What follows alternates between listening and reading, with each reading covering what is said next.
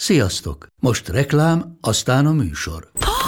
Hú, de szép szőnyeg. Új. Igen, tegnap vettem a Diégóban. Ó, és ez a függöny, de szép. Diégó! És hamarosan lesz új laminált padló a hálóban. Rátszakott a bank. Csak regisztráltam Diégó digitális klubkártyát vásárlás előtt. Csináljunk neked is egyet? Csak egy perc és kész. Regisztrálj te is áruházainkban, vagy a diego.hu oldalon, és azonnal megkapod digitális klubkártyádat, melyel akár 30% kedvezménnyel vásárolhatsz padlóburkolati és lakástextil termékeket. Diego.hu Már meg is kaptam e-mailben. Ez reklám volt, jó volt. Tehát a legemlékezetesebb ilyen egyik történet, nem akarok itt sztorizni, de ez annyira becsípődött, hogy, hogy megjelenik egy utolsó divat szerint öltözött, ekkora tűsarkú hölgy, sminkbe, mindenbe, és mellett áll egy fószer, kínai papucsba, fürdőköpenybe, egy műanyag pohárral, ami tele van vodkával. Ezek mi vagyunk. És Ez színpadra is sok lenne.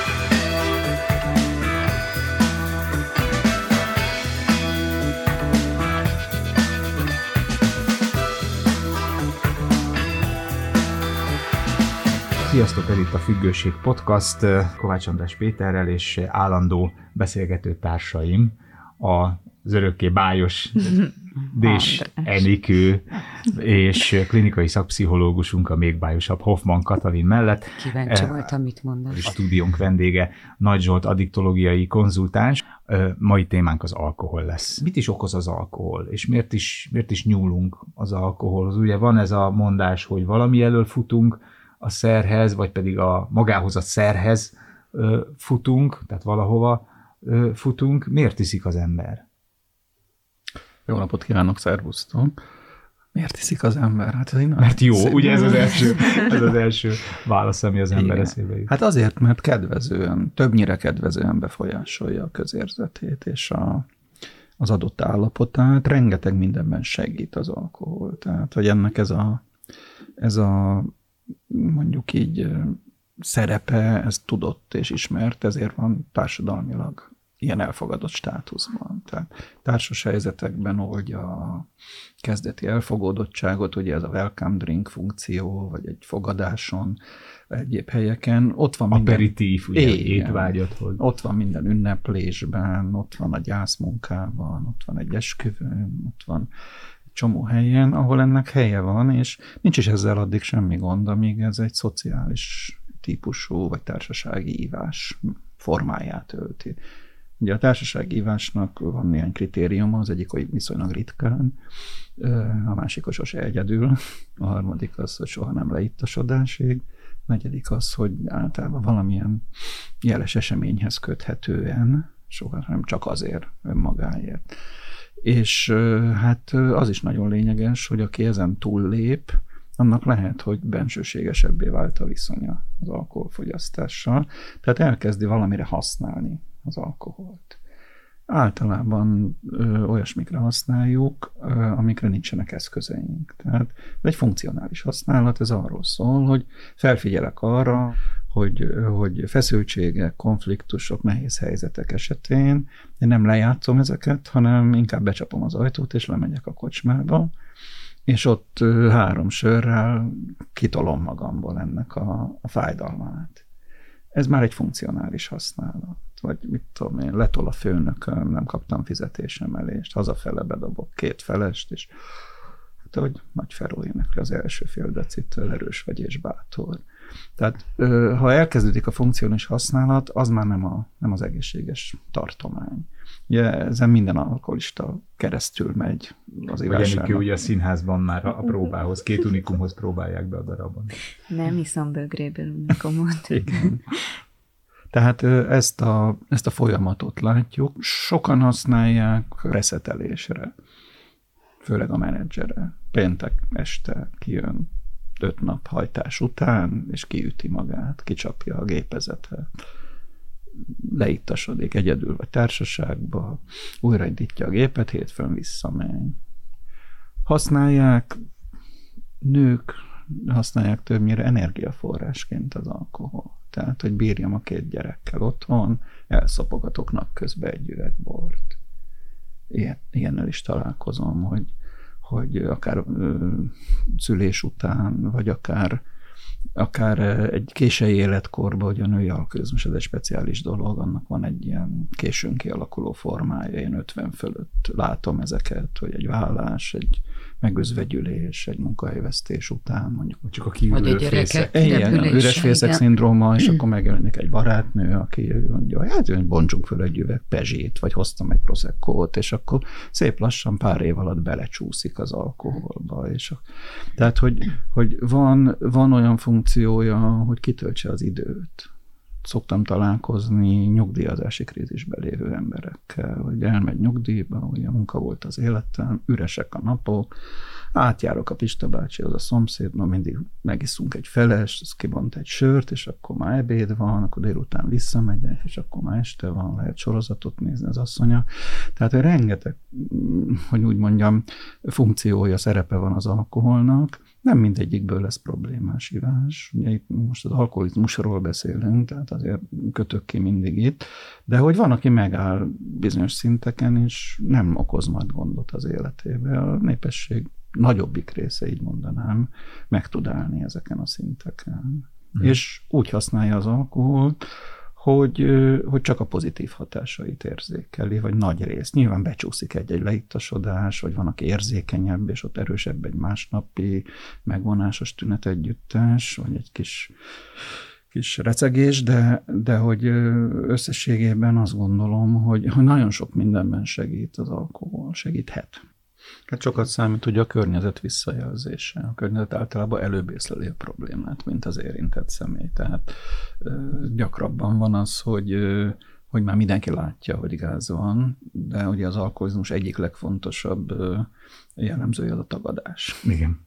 Tehát, hogy az érintett aztán körömszakadtáig tagadja, hogy problémája van. Ennek számos oka van, az egyik talán a stigmatizáltság, tehát az a szó, hogy alkoholista az a magyar társadalomban gyakorlatilag karaktergyilkossággal ér föl. Tehát ez valakire rásül ez a bélyeg, hát annak nagyon nehéz kijönni belőle és használják is ilyen módon ezt a kifejezést. Igen. Tehát ezt nem akarja senki vállalni, és ilyen módon aztán a tagadás rendszere is kiépül az alkoholbetegek körül, aminek ő szerves része. Tehát kisebb ítélfogyasztását bagatelizálja, használja közismert elhárító mechanizmusokat. És Otthon iszik. Igen, hát mondok mondatokat, én soha nem iszom töményet, doktor Soha nem emeltem kezet a feleségemre. Én soha nem hiányoztam egy órát a munkából. Soha nem láttak részegen. Soha nem láttak részegen. Igaz, józanul se. Mert ugye szinten tartói volt. Igen, igen, igen. Mindig van benne valami. Igen, funkcionálok. Igen. Plusz ugye, mivel a, a határ elmosódott, tehát nehéz azt mondani, hogy na, akkor ideig volt problémás, innentől kezdve függő, ez, ez gondolom tovább erősíti a saját magamnak és a másoknak való tagadást is. Így van, mert hogy nincs egyértelmű határ, tehát hogy nem lehet azt mondani, mint egy vakbélgyulladásnál, vagy egy bármilyen más típusú akut betegségnél, hogy na, akkor ez most megvan, hanem egy, egy lassú átmenet zajlik. Tehát ez egy progresszív betegség, hmm. krónikus, ami nem azt jelenti, hogy súlyos, hanem hogy idő kell a kialakulásához. És ez mennyi idő? Hát a jelenlegi tudásunk szerint férfiaknál 10-15 év, nőknél 8-12 év alatt szokott átlagosan kialakulni a függőség, de vannak nagyon komoly anomáliák. Én 5 év alatt lettem alkoholista például, 17 és 22 között. Lehet segítségül hívni márkereket, tehát hogy azért vannak olyan határpontok, amik nagyon jól jelzik azt, hogy valaki rálépett erre az útra. Én mindig végig szoktam kérdezni első beszélgetésben, hogy hogy ivott-e már egyedül? Ivott-e már reggel azért, hogy enyhítse a másnaposságot? Vezetette ittasan? Vezetette ittasan úgy, hogy volt utasa? Volt-e balesete, sérülése az alkohol mentén? Kapott-e visszajelzést a környezetéből? Volt-e munkahelyi mulasztása az ügyben? Ivott-e már gyógyszerre? Ment a szociális élete Uh-huh. Tehát választotta a igen, hívást. Igen, ezek nagyon erős márkerek. Ezeket úgy általában el szoktuk felejteni. Tehát, ja, nem volt baleset. Ja, de hát két éve, két, hú, hát tényleg akkor elestem, és akkor nagyon bevertem a fejemet. Ezeket töröljük uh-huh. azért általában. De hogy ezek jól mutatják azt, hogy egy kialakuló betegség zajlik az adott személy életében. Tekintve azt, hogy gondolom, akiket podcastot hallgatják, a magyar lakosság által képviselt hipohondriát, gondolom ők is hozzák, hogy nekik tudunk-e mondani segítséget, olyan tesztet, vagy olyan kérdéseket, amiket megtalálnak interneten is. Ugye azt hiszem van ez az audit Abszolút. dolog. El is hoztam nektek az auditot is, meg a kédzset is, hogy magatokat is uh-huh. besorolhassátok, de hogy igen, ezek megtalálhatók, meg a honlapra is, akkor fel fogjuk uh-huh. rakni oda. Hát a kézs a legegyszerűbb, mert négy kérdésből áll összesen, az auditot egy kicsit nehezebb kiértékelni, én ezt használom a rendelőbe, de, de a Cage az nagyon-nagyon jó teszt. Mhm. aki tehát kíváncsi arra, egyébként én is végig olvastam ezeket, és gyorsan töltögettem, és aki kíváncsi tehát arra, hogy az ő alkoholfogyasztása problémás-e, vagy ne adj Isten már a függő kategóriába tartozik, ő ezt az audit, illetve Cage tesztet megtalálhatja interneten is, saját googlizás alapján is, de igyekszünk feltölteni a kimondható.hu-n a podcast anyagai közé, és szerintem egy próbát mindenkinek megér legalább azért, hogy ne mások figyelmeztessék, hanem még ő maga tudja behúzni a És kézbe. még egy dolgot, ami egy puha mutató, de sokkal több figyelmet érdemelne, ugye nagyon sokszor mennyiségi vagy gyakorisági kérdésként próbáljuk definiálni az alkoholt. Szerintem ennél lényegesen fontosabb az, hogy mit csinál az adott személlyel. Tehát, hogy milyen hatással van az életvezetésére, a kapcsolatrendszerére, a személyes egészségére, a financiális státuszára. Ez, ezek mutatják meg igazán, hogy problémája van-e.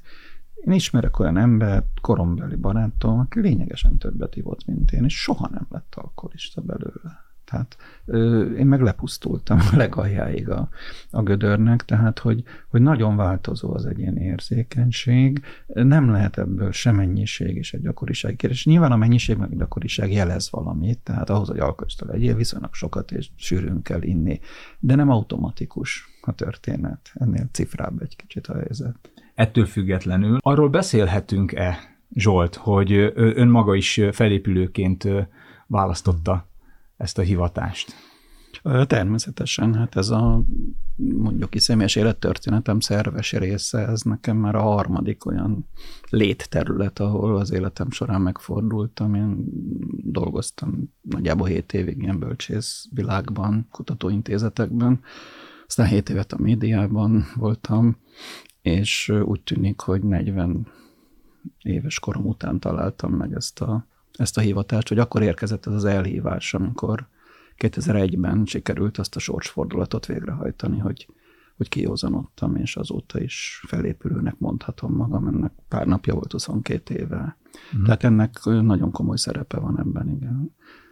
Ugyanakkor tudom, azt hogy- is hozzátenném, hogy önmagában a saját élmény nem kvalifikál segítésre. Tehát ez nagyon fontos, hogy, hogy ez egy jó alap, és egy remek, mondjuk így kapcsolódási felület a klienssel, már amikor ugye ezt föltárom, mert nem mindig kell ezt föltárni, viszont azért ez egy szakma, tehát hogy, hogy az nem úgy van, hogy beülök, és akkor elmesélem a sztorimat, ez egy alkalomra jó, na de hogy utána mi van? Tehát a kliens nem ezért jön, hanem azért jön, mert, mert elakadása van, és azért ott eszközök kellenek, technikák, aztán egy idő után tapasztalat is. Uh-huh. És mi volt az a sorsfordító lépés? Tehát én súlyos alkoholfüggésbe kerültem viszonylag korán, 20 évesen. Körülbelül 15 évig küzdöttem az alkohol, és aztán föltettem a kezem, hogy ő győzött. Ő nyert. Ö, Kilencszer voltam kórházban ez ügyben, és az utolsó, ami nem egy ilyen kiszárítós, kéthetes kórházi móka volt, hanem egy komoly hat hónapos terápia, ott megfordult a történet, és onnantól például dönsegítő közösségek használatával és segítségével vagyok józan. Uh-huh. Tehát, hogy akkor kórházi segítséggel sikerült. Nekem a fizikai állapotom miatt volt erre szükség, tehát én annyira lepusztultam fizikailag az alkoholtól a végén, nehéz elképzelni, de 60 kiló voltam, tehát csont és bőr, és gyakorlatilag kannásboron és kalinka vodkán éltem az utolsó három hónapban, hogy nekem azért kellett a kórházi segítség, mert egyszerűen roborálni is kellett, meg vitamininjekciókat kaptam, meg infúziót, meg mindent azért, hogy megmaradjak. A szobatársak fogadásokat kötöttek, hogy megmaradok el, tehát azért elég kemény volt a helyzet. És ez a fordulat, ez, ez magától jött? Tehát, hogy magától ébredt rá arra, hogy azonnal változtatni kell, vagy pedig Hát, külső segítséggel? mi használunk egy olyan fogalmat a, a munkánkban, amit úgy hívnak, hogy szenvedésnyomás. Mm. És a szenvedés nyomás elér egy bizonyos fokot. Tehát annyira fölhalmozódnak a veszteségek, a fájdalmak, annyira megnő ez a szenvedési mutató, akkor az alkoholista vagy meghal, vagy segítséget kér általában ez a két mm. út áll előtte. Tehát amikor amikor az ivás költségei már messze meghaladják a bevételeit, és nem csak financiálisan, hanem közérzetben, minden szinten. És elérkezhet egy olyan pont, ami nálam is elérkezett, hogy az ivás folytatása ugyanilyen lehetetlennek tűnik, mint az abbahagyása. Ez tehát, nagyon érdekes. Tehát azt, azt érzi az alkoholbeteg, nem is én ezt éreztem, hogyha nem iszom, akkor meghalok, de ha folytatom az ivást, akkor is meghalok. Ugye ezt nevezik mélypontnak az anonim uh-huh. alkoholistáknál. Ez egy jó mélypont. Szenvedés nyomásról, hogy nincs ennek egy olyan lélektani háttere, hogy az nem is nő, hanem növeszti az ember, hogy lekerüljön a legmélyére. Mert hogy valahogy középút úton nem lehet visszajönni, igen, hanem kell az alján. igen, valahogy presszírozza uh-huh. magát az ember arra, hogy, hogy a legvégsőkig elmenjen, és onnan vissza. Hát túlbecsülöd azt hiszem a, az alkoholisták tudatosságát. szóval ez inkább egy lecsúszási mhm. folyamat. Tehát egy, egy olyan, amiben kapálódzik az ember, néha megkapaszkodik valamiben, szünetet tart, de alapvetően egy lefelé vezető spirálba van amiből nagyon-nagyon nehéz kijönni. Meg lehet állni benne. Tehát ez a Living Las Vegas film, címfilmben látható tudatos halálra hívás, ez azért nagyon ritka. Látok ilyet klienseknél, hogy nem lehet megállítani őket. Mm. Tehát tehetetlen vagyok azzal, azt látom, hogy halálra akar élni magát ez az ember. De ez a ritkább változat. Azért az életösztön működik, tehát hogy válaszoljak erre a kérdésre, és azt hiszem, hogy az életösztön volt ott 2000 karácsonyán, ami azt a telefont felemeltette velem, mm. hogy mhm. mégse kéne 40 évesen itt elpusztulni egy nyomorultól egy kölcsönlakásban. Mm. De milyen szerencsé. Nekem, nekem én édesapámon éreztem ezt, hogy, hogy, hogy ő konkrétan halára akarja magát élni. Tehát ő az öngyilkosságnak ezt a hosszú és fájdalmas módját választotta. Tehát ő is nyilván egy ideig uh-huh. tudott mértéket tartani, aztán nem tudom én, leszázalékolták egy baleset miatt, kivették a, egy hangszápolit miatt a, a GG-jét, tehát hogy pont a hangját, ami neki az ereje volt, meg a szövege, meg a nem tudom én, a szociális kapcsolattartásának az eszköze, attól is megfosztották, és onnantól mm. kezdve 5-6 éven keresztül tudatosan és módszeresen mm. állt bele a, a földbe. És ezt, ezt nagyon rossz végignézni, úgy, hogy ott vagy közvetlen családtagként, és nem segíthetsz, és nem akarhatsz uh-huh. helyettet. Engem mostanában nagyon foglalkoztatnak a családi rendszereknek a transgenerációs öröklődései, mintázatai és egyebek. És ennek kapcsán azt gondolom, hogy, hogy szinte minden alkoholista egy olyan sorskönyvet játszik, aminek az a központi sorskönyv utasítása, hogy pusztítsd el magad. Uh-huh. És, hogy, és hogy a felépülés annyit jelent, hogy fölülírom ezt a sorskönyvet. De ha engedelmeskedek neki, tehát ugye ez a Ne létez című nagyon durva szülői parancs. Én egy nem nagyon akart gyerek vagyok, azt hiszem. És hogy ez sokaknál így van, van köztünk jó klinikai szakpszichológus, aki erről többet tud, mint én, de én is eljutottam erre a terepre, erre a területre a munkám során, hogy érdemes ezt megnézni, mert ha ha engedélyt tudok adni a kliensnek arra, hogy ezt a sorskönyvet felszámolja, akkor az kulcs lehet uh-huh. a mhm. felépüléséhez. Szerintem én ezt az engedélyt kaptam meg a, annak idején ebben a terápiás környezetben, hogy úgy szólt, hogy szabad neked nem inni. Igen, igen. És ezt az embernek, ezt az engedélyt igazából saját magának kell megadnia. Tehát azt hiszem, hogy ezt mindannyian, azt szerintem akik, akik itt ülünk, most mindannyian megéltük gyerekkorunkban, hogy, hogy, hogy egyáltalán én, én miért vagyok, meg hogy sokkal könnyebb lenne a, a szüleimnek, meg az egész világnak, hogyha én nem lennék és ebből, ebből kinőni, akár úgy, hogy, hogy kibírd józan észsel és szenvedély nélkül, akár még belecsúszni egy függőségbe, és aztán még abból is kiszállni, az, az nagyon-nagyon nehéz. És olyan érdekes, hogy nekem egyik kedvenc versem volt kamaszkoromban Pilinszkinek a Pont és Haza című verse, ami azóta már újra és újra újabb és újabb jelentést kapott az életemben, ami úgy kezdődik, hogy az ördög limonádét hörpöl, akik bort csupán szerencsétlenek. És aztán az a versnek a vége, hogy, hogy, hogy mégis csupán, az a baj, hogy nem fogom tudni szó szerint elnézést kérek a, a hallgatóktól, hogy mégis csupán ők az elveszettek találnak haza. És ebben az a szép, hogy, hogy tényleg, tényleg el kell veszni ahhoz, hogy hazatalálj. Ha még nem vesztél el úgy, úgy istenesen, úgy igazából az életedbe, ha nem érzed ezt a mélypontot, amiről itt beszélünk, akkor még nem nyílt meg az utat hazafelé sem. Tehát igen, Pilinszkinél a hazatalálás amúgy is egy központi motívum, ez több versében előkerül, ugye a legismertebbek közül, és én nagyon szeretem azt a sorát, hogy kikönyökölök a végtelenre. Mm. Én ezt éltem meg, amikor kihozanodtam, és azt, azt éreztem, hogy visszatértem az időbe. Tehát, hogy újra vannak évszakok, újra vannak színek, illatok. Az alkohol, ízek. Ízek, mm. igen. Az alkoholizmus az egy nagyon beszűkült életvitel, főleg aki ezt mondjuk így komolyan és keményen csinálja. Elhivatottan. Elhivatottan és elszántan menetel a pusztulás felé, annak e köré rendeződik az élete, és kikapik benne. Én azt figyeltem meg például, hogy mindig egy évszaka le voltam maradva öltözködésbe, tehát hogy nem észleltem, hogy tavasz van, akkor még téli kabátba volt a nyáron Jackie bejárta. Tehát, hogy, hogy egyszerűen leváltam az időről és hogy a Pilinszki ezt hozta meg, hogy visszakerültem a, az idő nagy körforgás. Újra lettek ünnepek, újra lettek kiemelt pillanatok az életben. Az ünnep nem arról szólt, hogy bassza meg zárva van a kocsma. Fú, igen. Ami egy nagy Be kell tankolni előre. Igen. Van ez a Férfi Szenvedély című film, amikor ott a főhős el akarja zálogosítani az írógépét, és akkor pont Jom Kippurkor megy az álokházba, és vándorolott, és egyik üzlet a másik után is zárva van, és rettenetes megvonásban van, és annyira át tudtam élni ezt az állapotot, mert voltam én is így. Úgyhogy kiszállsz a feleséged mellől, éjjel beülsz az autóba, és elmész a hajléktalan kocsmába a sarkon, és tudom én, unikom, és sör, és málboró, és így néznek, hogy ki ez a csávó itt fürdőköpenybe, aki kocsival jön, és mm. szóval lehetetlen helyzetek sora. Lezártam én a kert kaput, és és négy óra múlva kerülsz elő. A felépülés után a családi rendszerben generált maga a felépülés változást összességében? Hát az egyik az, hogy nincs olyan nagy felépülés után. Tehát a felépülés az egy élet, élethosszig tartó folyamat. Tehát, hogy én azt vallom, hogy ez egy ilyen lifelong project. Nem is szeretem projektnek nevezni, mert ugye az egy időszakos valami, ez egy lifelong venture, mondjuk, mm. egy élethosszig tartó vállalkozás. A családi rendszer működése, dinamikája és hát mondjuk így átformálódása felépülésben az a legizgalmasabb kérdések egyike.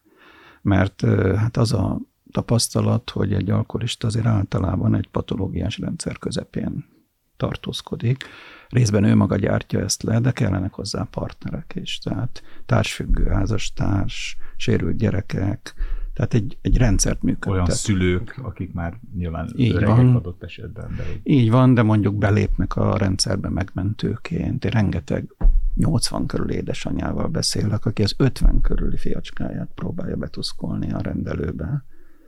Tehát, hogy képzett profitársfüggők működnek egy alkoholista körül, valamelyik szakirodalomban az van, hogy három-négy kodependenst foglalkoztat egy alkoholista. Igen. de valahogy. Igen. És ugye itt arról van szó, hogy megjelenik egy idegen test a rendszerben a felépülés során, az alkoholista elkezd máshogy viselkedni. Fölmondja a játszmának a szabályait, fölrúgja az addigi kereteket, és ezt a környezet hát értetlenül szokta figyelni. Ugye ez egy rendszer szinten ez egy elsőfokú változás a Vaclavikék tipológiájában, olyan szinte, hogy a rendszer egy eleme megváltozott, de a rendszer maradt. Igen. Ugye az alkoholista közben belül másodfokú változást hajt végre, mert ő nem csak az ivást hagyja abba jó esetben, hanem elkezd egy józanság munkát. Egy önismereti tehát, munkát. Meg tehát tök idegentes lesz a rendszerben, és az a paradox, hogy a rendszer elkezdi visszatolni az ivás felé általában. Tehát jönnek ezek a klasszik mondatok, hogy hát hülyébb vagy, mint amikor ittál. Igen. Inkább gyújtsál rá. Inkább gyújtsál rá.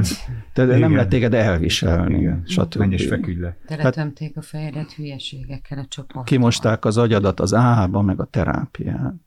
Ugye arról szól a történet, hogy, hogy, hogy az a rendszer konform viselkedés, ha iszik. Mert az egy kalkulálható dolog, az be van járatva, és arra mindenki tud reagálni. A feleség tud üldözni, vagy megmenteni. Igen. Tehát hogy ez egy nagyon nehéz Az az ismerős rossz. Igen. Ami rossz, de legalább ismerős. Így van. amit egyébként az alkoholbetegek felnőtt gyerekei majd a párkapcsolataikban kezdenek el keresni. Tehát ezért választanak alkoholistát többnyire maguknak. Először, így másodszor is, harmadszor is alkoholistához megy félre, és nem érti, hogy hogy fogja ki mindig ezeket. Tudat alatt az ismerős rosszat keresi. Mm. Szóval, hogy hogy a rendszer szintű változás nélkül az előbb-utóbb elkezd recsegni, ropogni, megjelennek az első repedések. Én nagyon sok vállást látok, tehát hogy följózanodik az alkoholista, három év után elválnak. Mert hogy kiderül, hogy a kapcsolat legfontosabb kötőanyaga, kötőanyaga az a patológia, az üldözés megmentés dinamikája. És ha ez okafogyottá válik, akkor rácsodálkozik el két ember 20 év után arra, hogy mit keresnek egymás mellett nincs közös érdeklődés. Kirepült a közös gyerek az alkoholizmus. Így van. És hogy az a szerződés, amire annak idején az a hallgatólagos szerződés, amit megkötöttek erre a dinamikára, az okafogyottá vált. Tehát ilyenkor kéne a családtagnak is újra definiálni saját magát, hozzátartozói csoportba járni, ránézni arra, hogy ő miért tűrte ezt 15-20 évig, ez el szokott maradni. Hát és ez ugyanolyan munka, pont ugyanolyan kőkemény Így munka, mint az alkoholistáig. Hát az Alanomba, az acába, vagy magadértnál ez a munka zajlik, hogy hozzátartozókkal dolgoznak. És partnerek ebben a hozzátartozók? Vegyes. Hát, vegyes. Azt mondanám, hogy ritkán. Tehát az alapmagatartás az úgy néz ki, hogy, hogy x idő után elszakad a célna hozzátartozónál. Most ugye ünnepek után vagyunk, rengeteg megkeresés érkezik. Fú Egyrészt Össze voltak záró. Összezár, vasárnapi neurózis, ahogy Freud írja, megbukott újévi fogadalmak így január közepén kezdenek bejelentkezni. Elképesztő mennyiségű ember, és még a Covid utóhatása is benne van, még az a két összezárt év is benne van, hogy, hogy gyakorlatilag rottyon vannak a házasságok. Nem tudtak mit kezdeni egymással az emberek. És felerősödött az alkoholfogyasztás nagyon sokaknál, ezt látom most.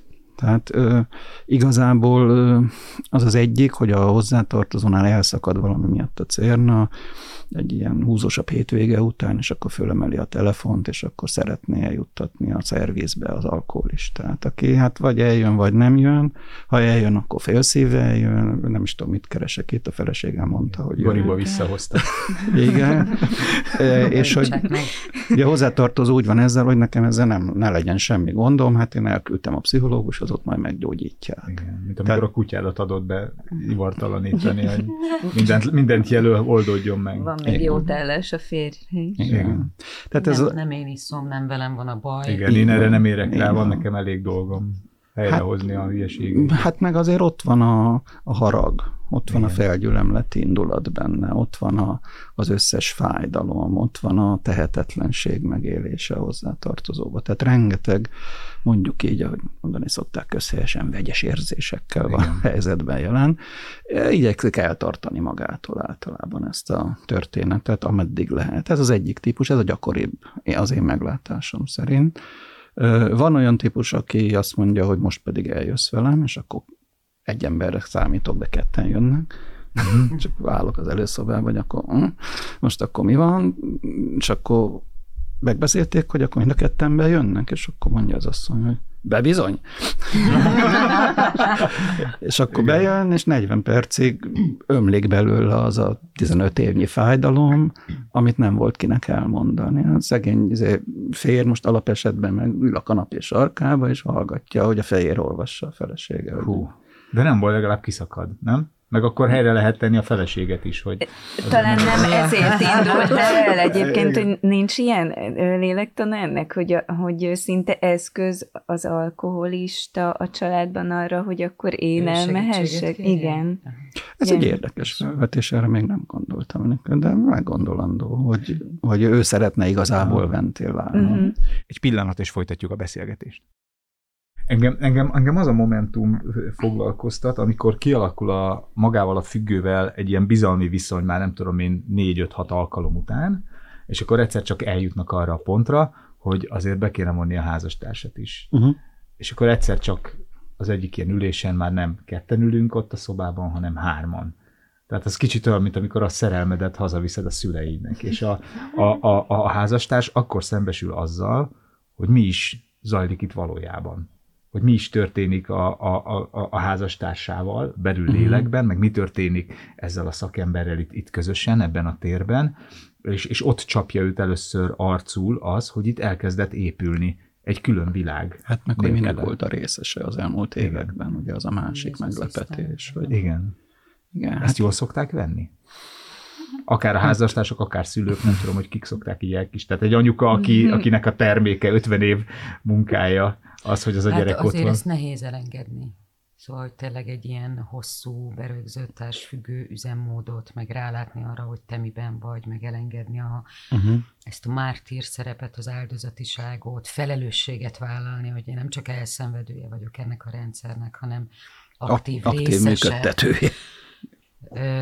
Ez, ez általában azért nem szokott tetszeni, szóval, mm. hogy, hogy szeretnek ebből kihátrálni legtöbbször a hozzátartozók, és, és áttolni a felelősséget.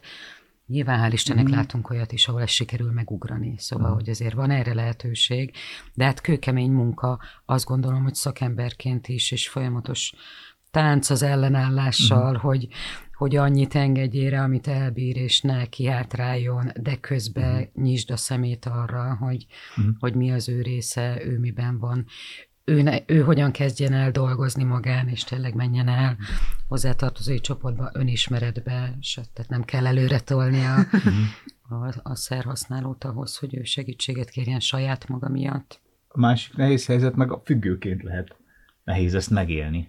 Hogy, hogy nem? ott van az életed társa, aki egyszerűen nem tud ezzel mit kezdeni, és a legfontosabb uh-huh. részedet, és jelen pillanatban a legmélyebb, legmeghatározóbb kérdéseidet ö, nem tudja megérteni uh-huh. és átérezni, és ez egy dolog, hogy a saját démonjaiddal meg kell küzdened, és befele harcolsz, de hogy kifele is harcolnod kell. És ehhez viszont tényleg emberfeletti erő kell. Tehát én nem is tudom, hogy, e- hogy függőként ezt a két harcot vívni egyszerre, hogy lehet.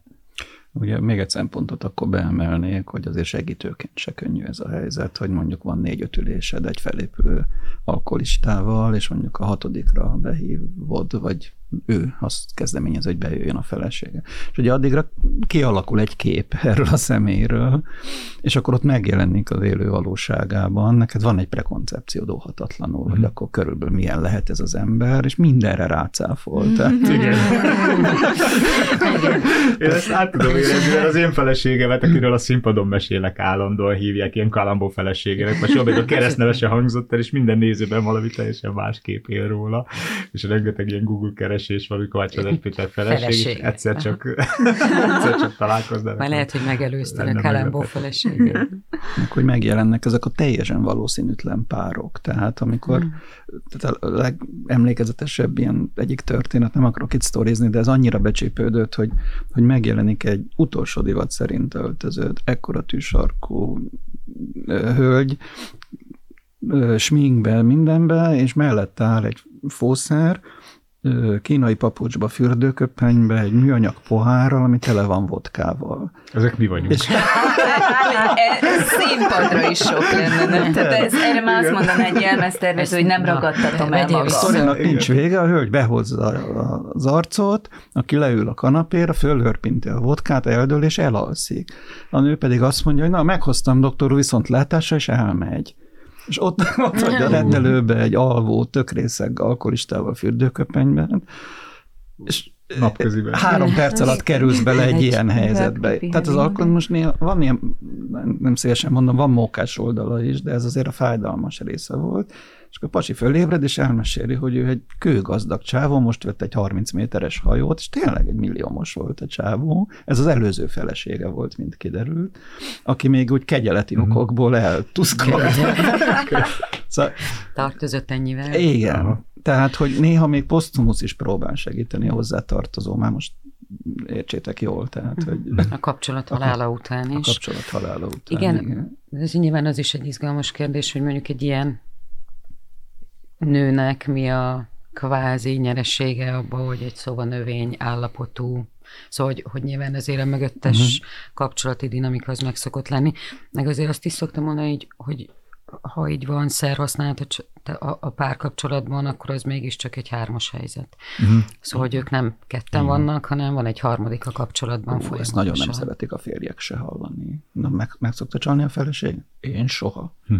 Mondom, és az üveg, az üveg az, az kicsoda ott a történetben, amikor, amikor ott van, de nincs jelen fizikailag Igen. egy helyzetben. Ugye az, az asszonyok legnagyobb fájdalma akikkel beszélnek hozzátartozók, hogy, hogy nincs valódi jelenlét a társuk részéről a kapcsolatban. Tehát fizikailag ott van, de mentálisan nincs ott. Vagy nézi az óráját, hogy mikor mehet a fiúkkal sörözni, vagy egy kicsit be van csicsentve, vagy ahogy lerakták a gyerekeket, akkor sziszen a sör, tehát már utána nem jó mellé bújni az ágyba. Igen. Tehát, hogy ez... Hát egy kicsit ugyanez, mint ami a, a gyerekeknek is ugye ez a legnagyobb fájdalom, hogy érzelmileg elérhetetlen mm. az Igen. alkoholista, és hogy valahogy sokszor a, a pár is ezt fogalmazza meg, hogy nincs hmm. jelen. Igen, és mire a pár eljut oda, hogy akkor most válasz a pia vagy én, addigra a másik már rég választott. Így van. Van ellenpélda is, tehát van, aki a, a párját választja. A héten volt nálam egy ilyen férfi, aki, akinek mondtam is, hogy most hozott egy döntést arra nézve, hogy nem az üveget választotta, hanem a házasságát választotta, és sűrűn bólogatott, hogy ő is így gondolja, és ebben reménykedik.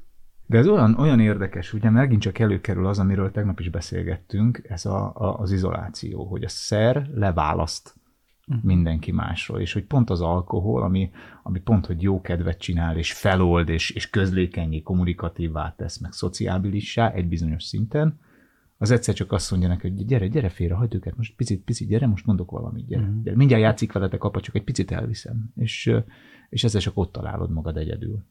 Ugye a magyar kultúrának az a tragédia, hogy nem csak az alkohol választ le, hanem a hiánya is leválaszt. Tehát, hogy dolgozok ezekkel a 40 körüli top menedzser srácokkal, akik jól menő vállalkozásokban dolgoznak, és jönnek vissza négy-öt alkalom után, és ott nagyon nehéz itt kiózanodni. Hát mindenki ved el a környezetembe, hát céges buli, izé, bowlingozás, sütögetés, rafting, sielés, anyám kénye, mindenhol ott van a pia, és egyszer nem tudok lépést tartani józanul a többiekkel, ülök hülyén a hüttében, és mm-hmm. tehát, hogy kirekesztődik a józan. Ez a döbbenetes a magyar kultúrában, hogy, hogy az minősül deviánsnak, aki nem iszik. Én erre rá tudok csatlakozni színházi emberként, hogy, hogy nagyon sok esetben ugye az a mérvadó, hogy az izoláció megtörténik, és akkor a társas kapcsolatok, ahogy csökkennek, egyre nagyobb a baj. De én a legnagyobb bajban, mondjuk egy ilyen három-négy-öt éve akkor éreztem magam, amikor a legnagyobb társasági életet éltem, és egy este tíz után, a próba után mindannyian elindultunk, minden este, vagy mondjuk öt este, és nagyon nagy nevetések, nagyon nagy összekapcsolódások, egymásra hatások voltak, de otthon vagy másnap az a legszörnyűbb volt már. Tehát, hogy ennek azért nincsenek exakt határai talán. Hát normatív módon iszik a magyar társadalom, ez egy alkoholbáztatott kultúra, ezért nagyon nehéz kiózanodni. Tehát ellenszélben kell kiózanodni. Mm. Az a fogalom, hogy felépülő vagy józan alkoholista, az nincs értelmezve a magyar társadalomban. Ezért sokat lehetne tenni, hogy ez bekerüljön a közbeszédbe például, mit mm. is jelent az. Meg ezt nem tudják elképzelni az emberek. Tehát pont ez a, ez a felépülő alkoholista, ugye, hogy, hogy azt mondják, hogy olyan nincs, hogy te meggyógyultál az alkoholbetegségből, olyan van, hogy józanul élsz, és, és nem iszol. Uh-huh. És uh, nyilván vannak uh, alkoholbetegek, akik már felépülve megpróbálkoznak azért a, a szociális ivással. Ugye erről beszéltünk, hogy, Igen. hogy egy százaléknak sikerül, és majd biztos én leszek az az egy. És, Csak általában mi vagyunk a 99, uh-huh, de igen. mindenki azt hiszi, hogy hát erre a próbálkozásra nekem 10 jó éven ment rá, ezt szoktam elmondani a klienseimnek, 30 és 40 között volt ez a kísérlet, eléggé elhúzódott, és hát szerény eredményekkel járt, mm. úgy fogalmazni. Tehát lejött az alkoholról, hát, kitisztult új célok, uh-huh. új horizontok, és akkor egyszer csak úgy érezte, hogy na de hát a társaság miatt, vagy esküvőre megyek, vagy nem tudom, és akkor megiszom egy-egy pohárral, és aztán óhatatlan a visszacsúszás. Új horizontok libegnek elébe, de ahogy Adi mondja, azért óhatatlan, mert nincs felépülési józanság munka. Tehát megkülönböztetjük a szárasságot meg a józanságot A szárazság azt jelenti, hogy nem iszom, de nem is változok. Uh-huh. Tehát, hogy nem dolgozok magamon, nincs önismeret, nincs csoporttámogatás, nincs változás, ez a mhm. kulcsszava a felépülésnek. Hanem egyszerűen fogcsikorgatva. Fogcsikorgatva nem iszol, és ebben jó eséllyel be van borítékolva a visszaesés. Tehát szinte lehetetlen változás nélkül józannak maradni hosszú távon. Látok én is embereket, akik két-három évig akár elhúzzák ezt pia nélkül, és aztán jön egy nehéz életesemény, egy érzelmi krízis, egy vállás, egy baleset, egy betegség, vagy valami, és újra a pohárhoz nyúlnak, mert nem változott az eszköztár, a megküzdési, ez a bizonyos coping eszköztár, ez nagyon szerény az alkoholistáknál, szegényes így mondanám. A felépülés arról szól, hogy ezt tágítjuk, ezt az eszköztárat. Hogy, hogy ki tudom adni a feszültségemet, hogy tudok beszélni róla, hogy, hogy sportolok, egy csomó egyéb. Tehát a felépülés ez egy életformaváltás. Ez nem arról szól, hogy nem iszom, hanem arról szól, hogy megtanulok józanul élni. Ezt a legjobban az önsegítő csoportokban lehet szerintem megtanulni. Kicsiben meg egy konzultációs folyamatba, vagy egy terápiába. Tehát igazából a változás nélkül nagyon-nagyon rossz esélyekkel indul az alkoholista. Én nem tudtam, hogy erre szükség van, tehát én azt hittem, hogy a nem ivás az önmagában. Ez is három havonta menetrend szerint visszaestem, kórház, kiszárítás, izé, fogadkozás, új horizontok, és ment ez a Verkli, tíz évig ment ez a Verkli. Mert nem hittem el, hogy, hogy amit mások tudnak, az nekem nem megy. Tehát, hogy, hogy bennem elromlott az a bizonyos jelzőkészülék, ami a társadalom 9 ében megvan, amely jelzi, hogy ennyi eset jól, és itt állj meg. Az mhm. alkoholistákban ez nem működik, ez a jelzőkészülék. Nem, nem berreg a csengő a harmadik pohárnál, hanem az, az a alapműködés, hogy hogyha egy jó volt, akkor kettő nyilván még jobb, három meg még jobb, és akkor onnantól háromnál indul el az igazi kontrollvesztés, de az első állítja át a váltót, az első pohár. Uh-huh. Ezért. Hogy van egy ilyen mondás, hogy egy pohár sok, ezer is kevés. Ezer is kevés, illetve hogy a, a, az első poharat megissza az ember, a másodikat már az első pohár kéri, és aztán az alkohol megissza az embert, ahogy a mhm. kínaiak mondják. És ez nagyon igaz. Pedig ők csak rizsbort ittak. Igen. Az is nagyon érdekes, hogy, hogy a, a felépülő alkoholista, aki tényleg komolyan veszi a felépülést, az végső soron sokkal több önismerettel, sokkal nagyobb bölcsességgel, sokkal nagyobb kiegyensúlyozottsággal jöhet ki ebből az egészből, mint, mint egy nem függő, akinél még csak fel sem merült ö, problémaként a kérdés, vagy az, hogy ő, ő, ő ennyi időt áldozom önmaga megismerésére, meg a saját folyamatainak az elemzésére és finom hangolására. Tehát végső soron elmondhatjuk azt, hogy egy, egy, egy felépülő függő, aki mondjuk adott esetben a 12 lépcsős programot csinálja, már a, az 5.-6. lépcsőnél jóval előrébb járhat, mint egy átlag. Igen, ember. mondjuk azért egy picit tovább gondoltam a szavaidat, és már-már úgy hangzik, mint felhívás keringőre. Legy, legyél alkoholista, hogy aztán felépülhess, mert ez egy olyan extra Tegnap is elhangzott azt, hogy nyugaton a gimnazisták között már az a menő, aki rehabra jár. Így van, tehát hogy igen, azért, azért ígyunk. Szóval hogy nyilván az önismeretnek van más útja is, de, de valahol meg nagyon tudok azonosulni azzal, amit mondasz, és uh, volt egy idő, amikor én is ezt így hangoztattam sok helyen, hogy, hogy tényleg milyen többletet tud adni egy ilyen felépülési folyamat, és milyen jó lenne, hogyha ez sokaknak megadatna, vagy nem is tudom, egyszer valakivel beszéltem, aki mondta, hogy olyan jó lenne egy 12 lépéses program, valaki olyannak, aki amúgy, amúgy nincs semmi... Amúgy normálisnak Hát igen, tehát hogy nem, nem függő, nincs, nincs. Hogy van, nem, nem függő. Igen, igen, De talán el... pont ezért ö, zavarja meg a családi rendszert annyira, hogy beesik egy kiskőnek tűnő, vagy uh-huh. kiskavicsnak tűnő, aztán sziklává váló valami, hogy az igen, önismeret egy, útján... Egy valaki szembenéz az igazsággal, és onnantól kezdve Hát igen, mert azért ezekben a diszfunkcionális családműködésben azért az is egy kimondatlan szabály, hogy, hogy ne, fej, ne fejlődj, ne változz. Tehát, hogy, hogy gyakran ugye azért merevedik be annyira a, a családi rendszer, mert ezt vélik a biztonság forrásának, hogy minden legyen változatlan. És hát egy valaki... El, Mi már nem is vagyunk jók. Igen, hát uh-huh. van ez a gyönyörű szó, ez a kapcsolatokra szokták használni, hogy szétfejlődtek. Igen. Igen. Ez szokott történni. Én visszamennék a kérdés feltevésedre, én egy kicsit szkeptikusabb vagyok ennél, tehát ez nagyon jól hangzik így, mm. hogy én is ezt éreztem egyébként, már szig- Szigetváron mondjuk ki, a terápia ötödik hetében, amikor úgy valamennyire föltisztultam, hogy úristen, ez egy olyan program, amire mindenkinek szüksége lenne, ez volt az első meglátásom. És hát ugye az ába azt mondják, hogy ez a program azoknak van, akik csinálják, nem azoknak, szükségük van rá.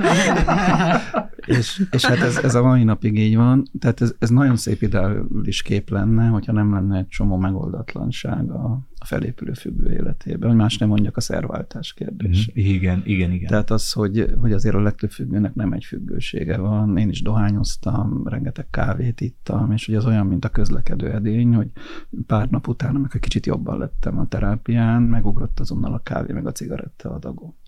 Tehát, hogy a szervezet az keresi ezeket a örömforrásokat. És aztán jön a többi, ugye az evés, a sport, a szex, a munka, az internet, tehát, hogy az egész skálát általában végig szokta játszani egy felé. Nekünk az utóbbi pár hónapban nagyjából ezt a sorot Tehát ez az egyik része, tehát az, hogy a, a függőség az ö, keresi a kitörési formát a józanságban is. Mm. És hogyha nem vagy éber, és nem fedezett föl ezeket, hogy éppen aktuálisan mi akar elpusztítani, akkor nagyon könnyű belecsúszni valamelyikbe ezek közül. A másik, hogy azért itt hát személyiségszerkezeti és kapcsolati megoldatlanságok tömege is van általában egy kiózanodáskor az alkoholista körül. Ezzel én is így voltam. Tehát vállófélbe voltam, szarapa voltam megítélésem szerint, vagy legalábbis elégtelen apa voltam. Tehát van mit itt rendbe tenni, nem véletlen, hogy a 8.-9. lépése az állnak a jóvátételről szól. De vannak, vannak olyan sebzettségek, amiket ugye mondjuk az alkoholista alkohollal próbál gyógyítani, de nem gyógyíthatók. Tehát például egy gyerekkori izoláció, egy elérhetetlen pszichiátriai beteg apa, egy, egy látszat házasság, amikor dependens módon működik, most a saját családomról beszélek, hogyha ebből érkezel, akkor például nagyon nehéz kötődési problémáid lesznek, amikkel egy életen át lehet, hogy küzdeni fogsz, ahogy én is teszem, és lehet, hogy ezeket még a józanság se oldja meg. Tehát, hogy ezek nem mindig annyira happy endes sztori, mm. hogy akkor én, mit tudom én, hihetetlen önismeretű, öntudatú 22 éves józan vagyok, és akkor minden fasz a körülött. Nem.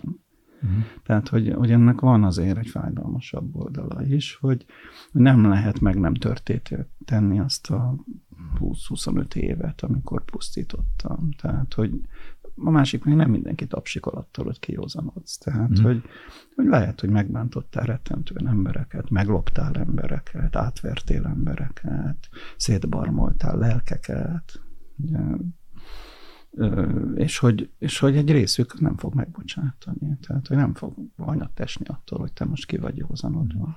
Pont ez lett volna a kérdésem, mert amióta én így beleálltam ebbe az ügybe, így elfeledett gyermekként, nagyon sokan, és mindenki megkérdezte interjúkban, hogy és meg tudtál lebocsátani édesapádnak, és hozzászólásokban, meg levelekben nagyon sokan írták nekem, hogy ők nem tudtak.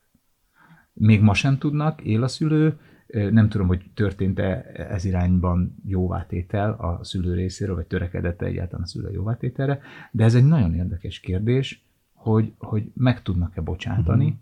a függőnek, illetve ha nem, akkor ezzel hogy lehet tovább élni? Hát most durva dolgokat fogok mondani. Én azt gondolom, hogy az én apám az azt gondolta volna korrektnek, ha én meghalok. Tehát, hogy, hogy úgy éltem meg, hogy én annyit ártottam ennek a családnak, hogy az lett volna fair, ha én meghalok 41 évesen, és nem józanodok. Ez a hipotézis, nem tudom igazolni. Mm.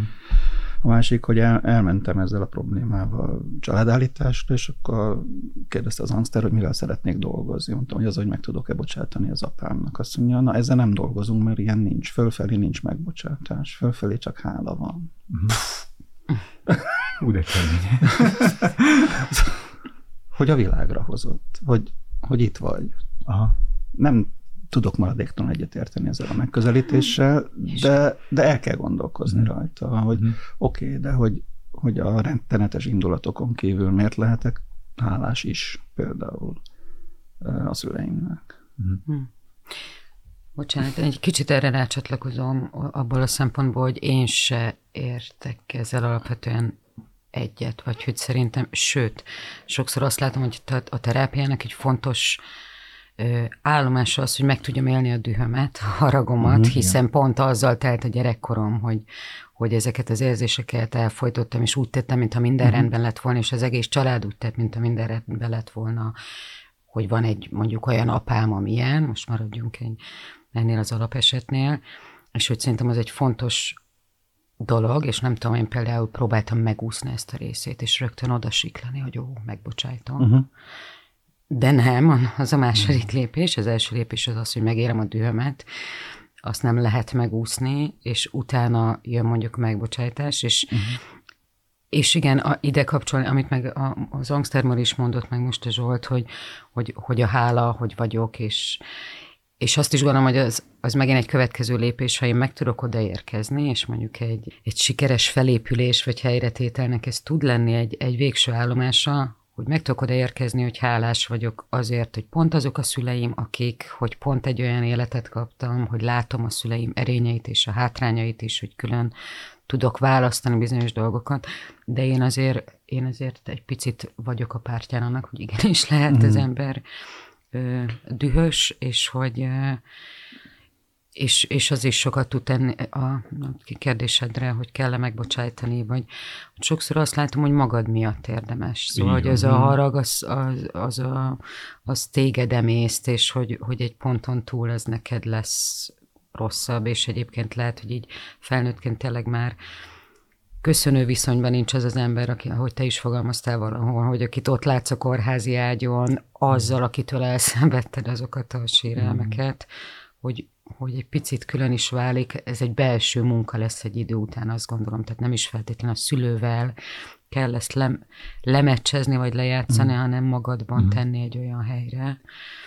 Ugyanakkor azt is gondolom, és bár lehet, hogy így pszíkezdettel, de akkor ezt mondom civilből, és nem klinikai szapsziológusként, hogy azért azt is gondolom, hogy bizonyos dolgok meg valahogyan nem biztos, hogy meg bocsájthatók abban az életben, abban az értelemben. Szóval, hogy sokszor látok olyat, hogy gyerekekkel történnek kvázi megbocsájthatatlan dolgok, uh-huh.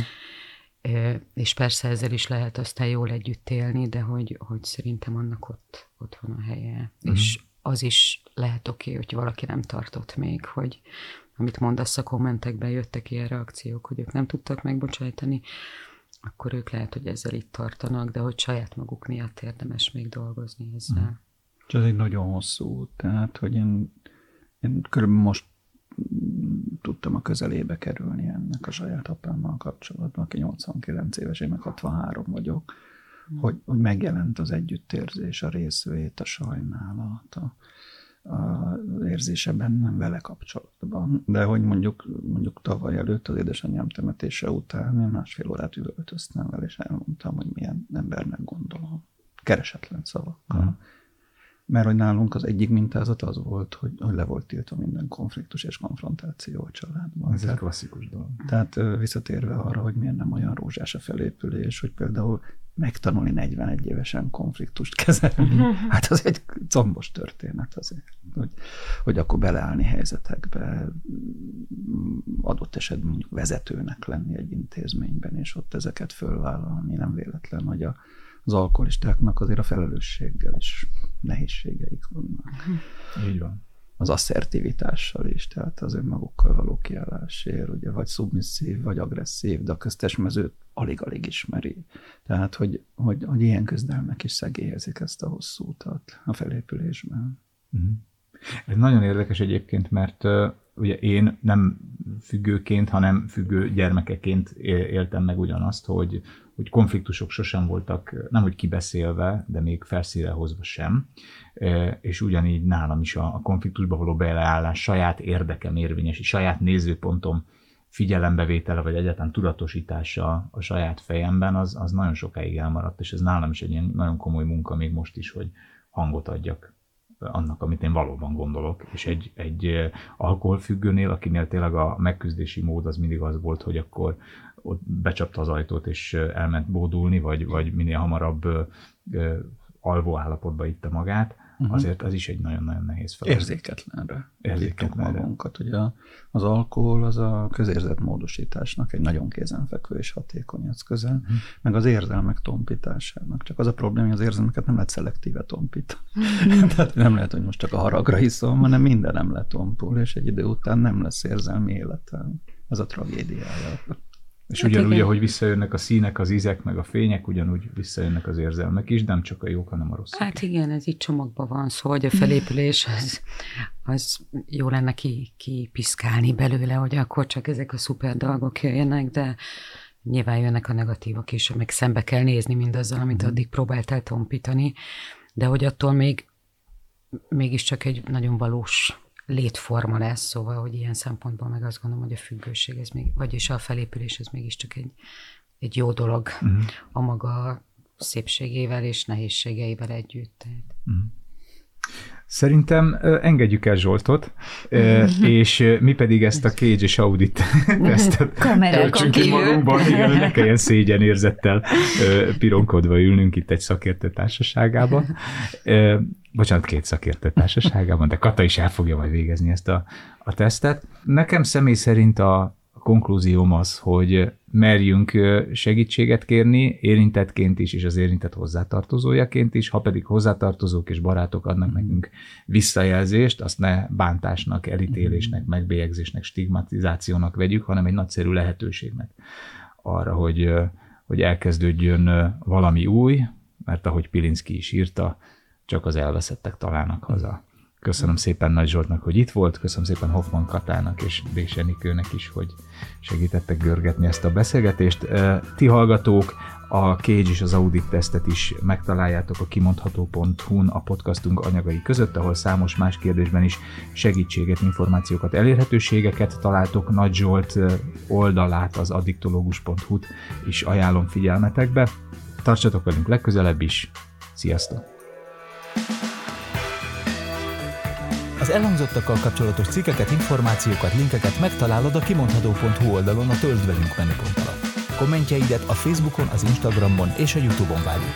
Töltsd velünk legközelebb is. Szia!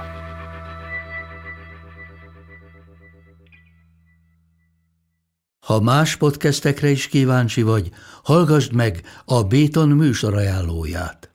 El tudod képzelni, hogy a podcastet, amit éppen most hallgattál, fél év múlva már a mesterséges intelligencia generálja? Mi sem. De ha érdekel, eljötte már a gépek lázadása. Hallgass bele az Embertelen podcastbe. Orsós Lajos vagyok, a műsor házigazdája. Egyelőre még élőben. Egyelőre. Fedezzük fel együtt, hogyan ismerkedik, randizik, mesél és vitatkozik Betty és Péter, két teljesen mesterséges intelligencia. Lajos, a podcast címét mond még egyszer, Léci. Oké. Okay. Embertelen podcast.